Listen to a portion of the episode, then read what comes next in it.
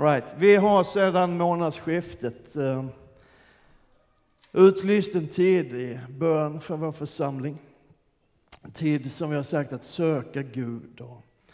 Det finns flera skäl till att vi har gjort det så pass tydligt som vi har gjort det. Man skulle kunna säga att egentligen så började det nog med att Kompassens ledning och styrelse kom till oss i församlingsledningen Eh, och ställde några frågor till oss. Eh, lite grann om vad är era tankar nu om det här huset som vi är i? Eh, vad är visionen? Eh, och vad vill ni framöver? Det var ju jättebra för en församlingsledning att få de frågorna och få tänka till lite grann. Och vi insåg då att det är ju ganska länge sedan det här huset byggdes, sedan 13, 13 år sedan, 12, 14, 12, 13, 14 år sedan. Sådär. Eh, och länge sedan därmed också som den här visionen målades upp. Eh, och på ett sätt kanske det då dessutom var, var länge sedan som drömmarna var riktigt tydliga. Eh, och församlingen är inte exakt densamma idag eh, som den var då. Vi har delvis ett, ett eh, annorlunda nya personer i, i församlingsledning. Vi har en pastor som inte var med från starten och som egentligen inte vet någonting om något. Ehm, och bara de senaste sex åren så har 68 medlemmar lämnat församlingen. Ehm, en del har flyttat till andra församlingar, ganska många har flyttat till andra församlingar i andra städer och ganska många har flyttat hem till Jesus. 68 personer. Och under samma tid så har 86 nya människor kommit till vår församling. Och då inser vi som församlingsledning att vi behöver få en förnyad vision. Eh, kanske inte i första hand för huset, eh, även om det är fint och härligt och så. Men en förnyad vision för vår stad och för vårt uppdrag och där kan ju, det tror jag det gör, där kan ju det här huset ingå liksom och vara ett viktigt verktyg i allt det. Och sen har vi också varit medvetna om att vår ekonomi inte har varit den allra bästa och inte är den allra bästa. Varken, varken i församlingen eller i det här huset, Kompassens verksamhet. Och när vi skulle lägga budget för 2024 så blev det också rätt så tydligt att det är någonting drastiskt som skulle behöva ske på rätt kort tid. Annars så kommer vi få större problem längre fram. Och egentligen så handlar det inte om någonting konstigt, liksom ett extremt vanstyre av verksamheten och så här, utan det är grunden samma problem som vi alla, tror jag, mer eller mindre, som privatpersoner och som många företag och organisationer är drabbade av just nu ökade kostnader och stagnerade inkomster. Och för oss som församling så handlar det framför allt om ganska extremt ökade räntekostnader. Våra räntor har på de sista fem sex åren stigit utan att vi egentligen har tagit så, så särskilt mycket nya lån. Så har räntekostnaderna ökat med över 75 procent. Och det handlar då om en halv miljon ungefär som vi betalar mer i ränta nu än vad vi gjorde för några år sedan. Energipriser, kostnader för fjärrvärme. Är det här en predikan? Nej, vi ska inte ha någon predikan idag. Jag ska bara inspirera oss för vi ska be om en stund. Och det här, är liksom, det här pågår samtidigt som att våra insamlingar inte riktigt har kommit igång och kommit ikapp efter pandemin. Också, så det här slår. Och det här är en anledning att samlas i bön och söka Gud för förnyad vision och för en förbättrad ekonomi så vi kan bara fortsätta att vara den församling som Gud vill ha i den här staden. Så varje eh, vardagsmorgon nu under december så har vi samlats i andaktsrummet här ute mellan 7 och 7.30 varje morgon. Kommer att fortsätta med det fram till vad blir det, 22 fredagen precis före jul. I alla fall. Sen så kommer det lite nya grejer Eh, in i januari. Vi drar igång onlinebönen igen. Vi kommer nog att fortsätta att träffas här på morgnarna, de som vill och kan. Och så här. Också våra gudstjänster har vi sagt, åtminstone under december, kommer att ha lite mer inriktning på bön. Än, än vad vi kanske, vi brukar ju be, men vi ber lite mer i våra gudstjänster under december också. Och också idag så kommer bönen att ha en större plats, tror jag, än predikan. Det blir ingen lång predikan, jag lovar det. Jag ska läsa på bibelord och dela några tankar och sen så ska vi be tillsammans och sen avslutar vi gudstjänsten idag med att fira nattvard tillsammans. Blir det bra? Men det finns ett ord, ett sammanhang i Gamla Testamentet som har kommit tillbaka till mig gång på gång eh, under den här veckan som ligger bakom nu. Det är hämtat ifrån Andra krönikeboken och handlar om när kung Salomo har byggt färdigt templet och det ska invigas. Och Salomo han har bett att det här templet han har byggt inte ska stå där mitt i stan liksom som en meningslös religiös byggnad. Och han säger i sin bön innan att Gud, jag vet att du inte bor i hus som är byggda av människohänder, av sten och sånt där. Men skulle du kunna tänka dig flytta in i alla fall? Liksom det, det är ungefär den bönen som man ber. Det är en härlig bön. Ja, men jag vet att du tänker så Gud, men skulle vi kunna ändå? Liksom. Så. Att det inte ska få vara liksom en meningslös, liksom, storartad och pampig religiös byggnad, utan att det ska få vara en plats där människor ska få möta Gud själv. Det är hans bön. Och Gud svarar på den bönen på två sätt. Dels så svarar han på den bönen, och det här är ju så häftigt, genom att fylla huset så mycket av sin närvaro så folket som är där och prästerna som ska göra tjänst, de kan inte ens stå på sina fötter därför att Guds närvaron är så kraftig så de bara faller ner som det står på sina ansikten och tillber Herren. Det är ett svar som heter duga. Eller hur? Gud, skulle du kunna tänka dig, jag vet ju att du inte bor i sådana här hus och så, skulle du kunna tänka dig, liksom, BAM! Jag är här nu! och sen talar Gud enskilt med kung Salomo. Och det blir liksom det andra bönesvaret. Och det står så här i Andra krönikeboken 7 och 12. Nu har du ju inte den här, men du har din bibel i din iPhone. Det finns andra telefoner också av andra märken. De är inget att ha. Men i alla fall, då står det så här. Andra krönikboken 7.12. Herren uppenbarade sig för Salomo om natten och sa till honom Jag har hört din bön och utvalt denna plats åt mig till offerplats. Och så ger Gud ett löfte. Han säger, vers 15 och 16 i samma kapitel. Mina ögon ska vara öppna och mina öron ska lyssna till vad som bes på denna plats. Jag har utvalt och helgat detta hus för att mitt namn ska vara där till evig tid. Man skulle kunna hålla en långt bibelstudium om vad det betyder att Guds namn finns någonstans. Vet, det finns salta salmer som säger att jag ska befria honom, jag ska beskydda honom. Varför det? Därför att han känner mitt namn. Det finns en kraft i namnet. Jag har utvalt och helgat detta hus för att mitt namn ska vara där till evig tid. Och mina ögon och mitt hjärta ska alltid vara där. Vilket enormt fantastiskt löfte. Gud har ögon som ser varje människa. Han har ett hjärta som är fyllt av kärlek och barmhärtighet. Och det är en sån plats som Salomo vill att hans tempel skulle vara. Och det är en sån plats som vi vill att ena kyrkan och kompassen ska vara. En plats som uppenbarar Guds hjärta. En plats där varje människa blir sedd och älskad och får möta Gud själv. Men mellan de här två sammanhangen så kommer ett, några ganska allvarliga verser. Och det är framförallt det som har funnits inom mig under den här veckan. Jag vill dela dem med dig. Det är alltså fortfarande Andra krönikebokens sjunde kapitel, det är vers 13 och 14.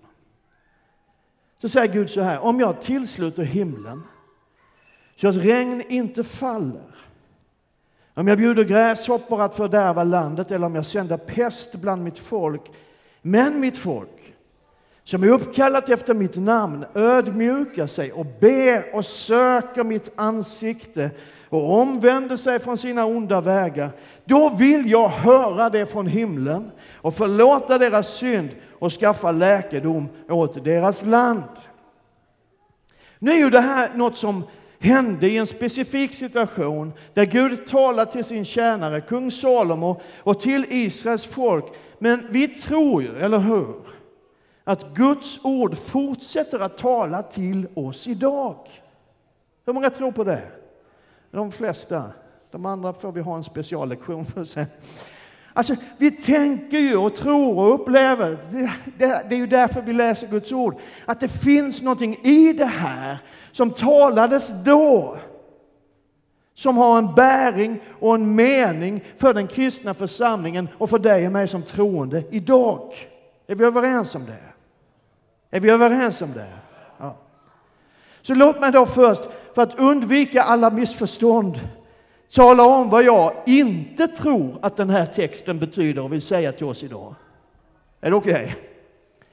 Jag tror inte att det här ska förstås som att våra problem och svårigheter beror på att Gud har tillslutit himlen över oss och håller tillbaka sina välsignelser. Eller att han har sänt gräshoppor och pest över oss, bildligt talat. Jag tror inte heller att vi är som församling lite grann i ekonomiska svårigheter för att vi bär på grov och grav synd och vandrar på onda vägar. Jag tror inte det. Vi är inte perfekta, det är jag medveten om. Jag är inte perfekt och jag vet att det är inte du heller. Och vi är inte heller syndfria. Det vet jag också. Men i det nya förbundet som du och jag lever i så är det nåden som regerar och inte straff och dom. Är vi överens om det också? För annars blir det svårt att gå vidare. Vi är överens om det, vad härligt. Men det talas om fyra saker här som det är viktigt att Guds folk gör för att en förändring ska ske, för att någonting nytt ska kunna komma. Det är att man ödmjukar sig. Vad är det? Ja, men det är ju bara att, att böja sig inför Gud och inse att vi behöver din hjälp. Att ödmjuka sig är att tänka att det här klarar vi inte själv.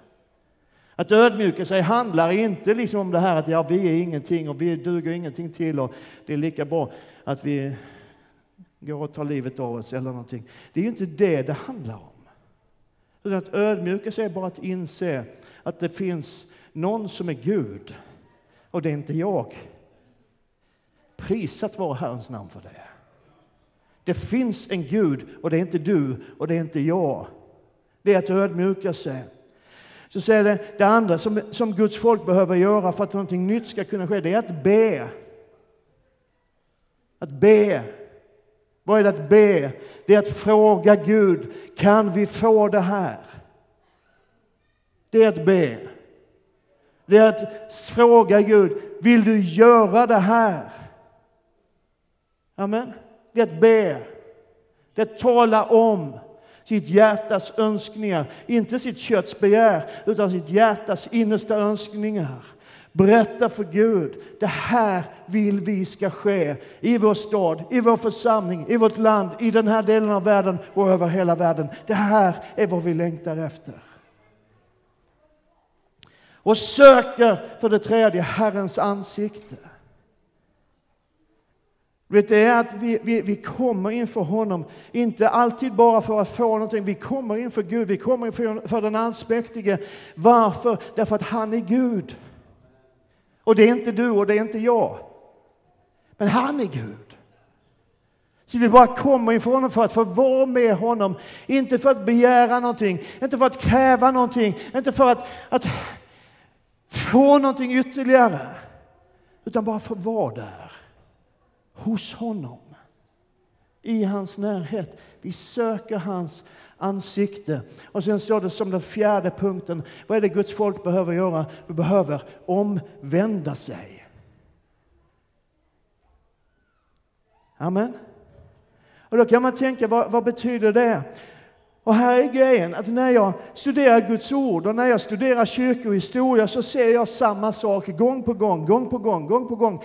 Vid varje tillfälle genom hela historien, när Gud har fört en församling in i någonting nytt. in i en väckelse eller in i en ny tid, på något sätt fört en församling in i någonting nytt, så har det alltid funnits ett moment av omvändelse i församlingen innan det nya har kommit. Alltid! Och det tror jag sällan har handlat liksom om grova synder och grova överträdelser. Det är ju en annan sak. Liksom svåra missförhållanden. Utan det har så gott som alltid handlat om korrigeringar, om en finjustering av människors hjärtan. Ett omvändelse handlar inte alltid, vi behöver liksom förnya vår förståelse av det ordet. Omvändelse handlar inte alltid om att vända om ifrån det värsta du kan tänka dig. Utan ibland så handlar omvändelse också om små justeringar. Från sånt som inte är så farligt just där och då, men som i förlängningen kan bli väldigt fel. En del av er har någon gång hört mig säga att jag spelar golf. Det är inte många som har hört det, men en del har hört att jag har sagt det någon gång, att jag tycker om att spela golf. Visste ni att jag tycker om... Nej. Grejen är, det här är mitt problem. Jag ska berätta vad mitt problem är. Det är ju att ofta man står där med bollen uppsatt på en pegg så här. Och så tar man sin fina driver. Och så ska man klippa till den där bollen så långt man kan och gärna så rakt man kan. Och det gör man ju.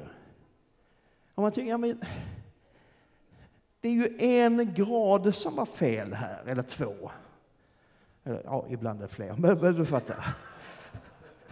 Alltså man träffar den bollen en grad eller två grader fel, en liten vinkling på klubban, så är det ju inte så mycket precis vid träffen. Eller hur? Men 200 meter där borta så är det rätt många meter fel. Är du med mig? Så ibland så behöver våra hjärtan finjusteras, för det är inte så farligt här där du står nu. Men om du börjar vika av åt det hållet några grader fel så kommer du att missa målet. Och därför behöver vi få omvända oss, rikta in oss, söka Guds ansikte, hitta fokus. Det är dit vi ska. Och det är honom vi söker. Ett bibelord till. Och nu får du inte ta illa upp för att jag läser ett bibelord för dig idag.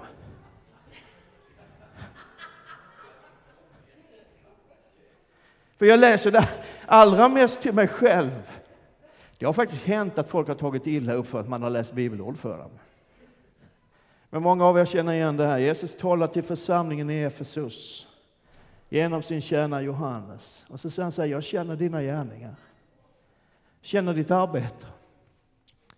Känner ni en uthållighet. Vet du vad jag kan känna igen i ena kyrkan i det? Ditt arbete, din uthållighet. Jag vet att du inte kan tåla onda människor. Du har prövat de som kallar sig apostlar men inte är det. Du har funnit att de är lögner. Ja, du är uthållig och du har uthärdat mycket för mitt namns skull utan att tröttna. Det är ju jättebra grejer. Och så säger Jesus så här. Men jag har en sak emot dig. En liten grej här som du behöver ta itu med. Att du har övergett din första kärlek. Kom ihåg varifrån du har fallit och vänd om. Där har du uttrycket. Och man inser när man läser ja, det här, det, det här handlar inte om grava grejer. Det här handlar inte om liksom att man har börjat tillbe antikrist. Liksom. Utan det, det, är en grej som behöver justeras här. Är du med? Vänd om och gör dina första gärningar. Och vad är det då, den här första kärleken? vad länge jag talade idag, fast jag inte skulle det, men du får stå ut. Vad är det för något, den första kärleken? Vet, jag tror att det handlar om, tänk dig in i det här, måla bilden för ditt inre. Jag tror att det handlar om hur det var då, du vet, när vi nyss hade mött Jesus. Minns du det? När vi precis ganska nyss hade fått våra liv förvandlade. Den här passionen som fanns när Jesus verkligen kom först i våra liv. Och det fanns liksom inget som var viktigare.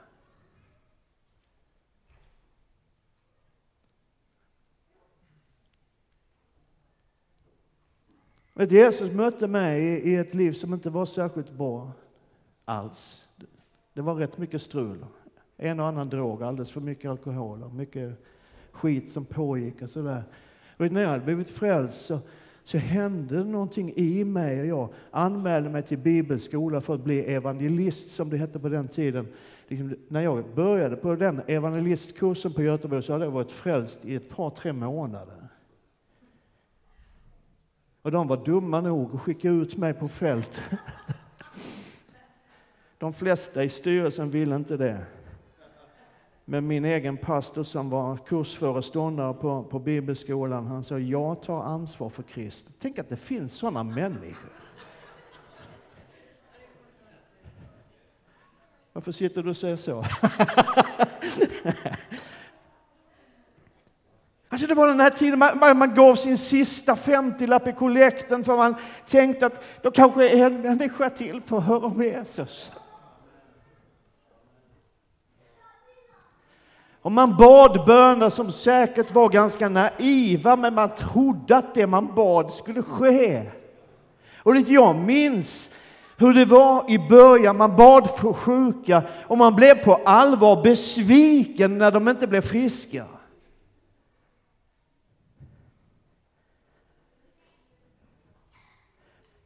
Man tyckte att det, det, är ju något som har blivit fel här för att vi har ju bett. Och den här personen är fortfarande sjuk. Det, så ska det väl inte vara, tänkte man. Och så struntade man rätt mycket i alla fall i vad folk tyckte och tänkte. Och kanske var det inte alltid så vist och förståndigt allt man gjorde. Men det fanns i hjärtat en passion för Jesus och för andra människor. Och ibland så frågar jag mig själv, var tog det vägen Hultberg? Jag vet ju inte hur det är med dig, men jag vet hur det är med mig. Och jag inser att ibland så är det nog så att mitt hjärta har svalnat lite grann. Och att det finns tillfällen när jag är mer intresserad av min egen bekvämlighet än människors frälsning. Nu säger jag det här till mig, inte till dig, för du är ju inte sån. Jag säger det till mig. Och jag tror att det är så här med mig i alla fall, och kanske med dig också, att man allt för ofta behåller den här 50-lappen som nog har blivit en 500-lapp nu. För att man tycker att jag behöver ju den själv. En del kanske skulle kalla det att man har blivit förståndigare, men jag är inte så säker på det.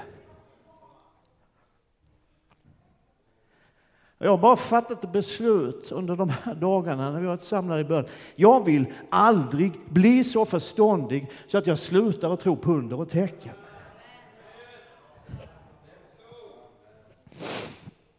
Och jag vill aldrig bli så sofistikerad i min tro så att jag inte rörs till tårar när någon blir frälst. Jag ser ju ibland att min passion kanske inte är så glödhet som den var då när jag nyss hade mött Jesus. Men jag vill ha tillbaka den, jag längtar efter den och jag tror att det är likadant för dig. Så Det är därför vi tar den här tiden där vi ber och söker Guds ansikte. Och nu hade jag ju tänkt att jag skulle få upp det här på väggen, men det gör ingenting. Vi, vi fixar det ändå. Vad är det vi ber för?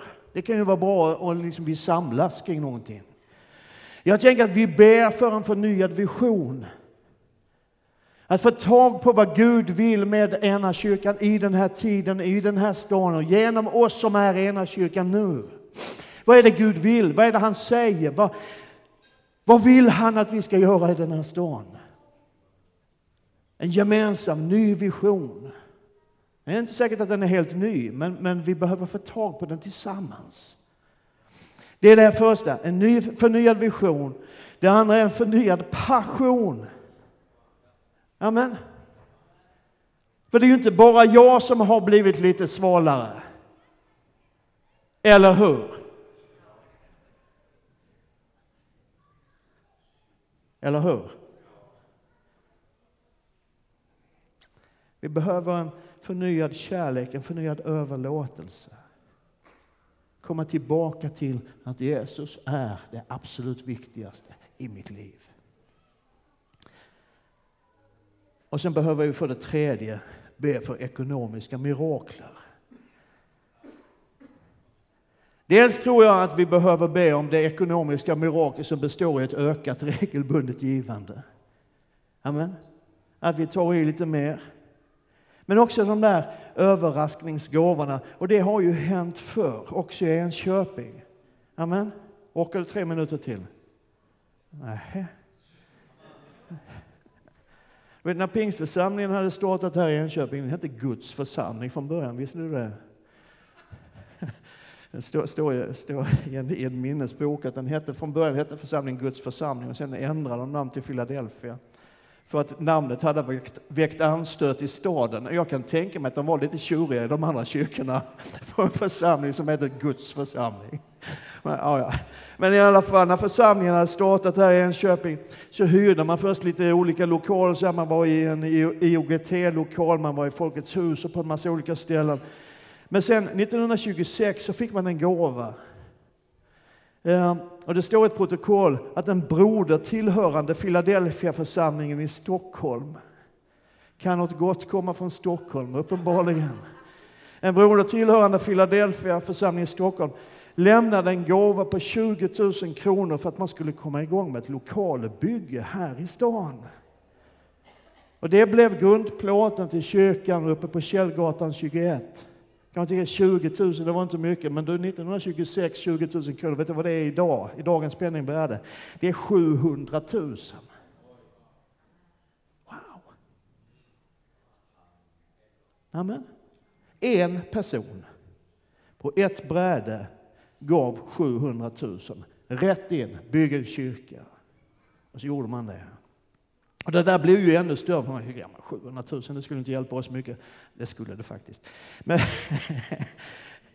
men det blev ju ännu större om man sätter det i förhållande till hur mycket församlingen själv samlade in under det året. Så är det att den här gåvan från en brodern i Finland i Stockholm, den var nästan tre gånger mer än vad församlingen själva samlade in under hela det året. Och då tänker jag så här. Om vi tar det vi samlar in om året 1,7-1,8 miljoner kronor. Och så är det någon underbar broder i Philadelphia församling i Stockholm. Eller någon annan.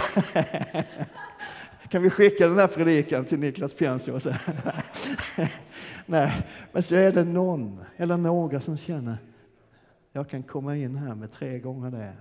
Wow. Ja, men det var väl en naiv bön? Ja, visst är den. Visst är det härligt att få vara lite naiv ibland. Om Gud kunde då så måste han ju kunna nu. Eller hur? Om det fanns folk då som kunde ge 20 000 som motsvarar 700 000 så måste det ju finnas sådana människor idag. Eller hur? Vi kan väl be om det i alla fall.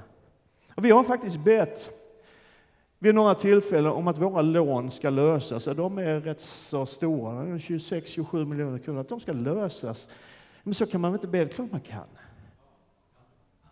Och vi ska be att de, inte, de ska liksom inte lösas för att vi inte kan betala dem, utan de ska lösas därför att vi har betalt dem. Amen. Vi ska göra rätt för oss. Så det är det här vi ska be för. Vi ska gå in i bön nu. Nu har jag talat mycket längre än jag hade tänkt, men det blir så ibland. Vi ska be för en förnyad vision. Vi ska be för förnyad passion. Och vi ska be för ekonomiska mirakler. Är vi med på det så svarar vi ett rungande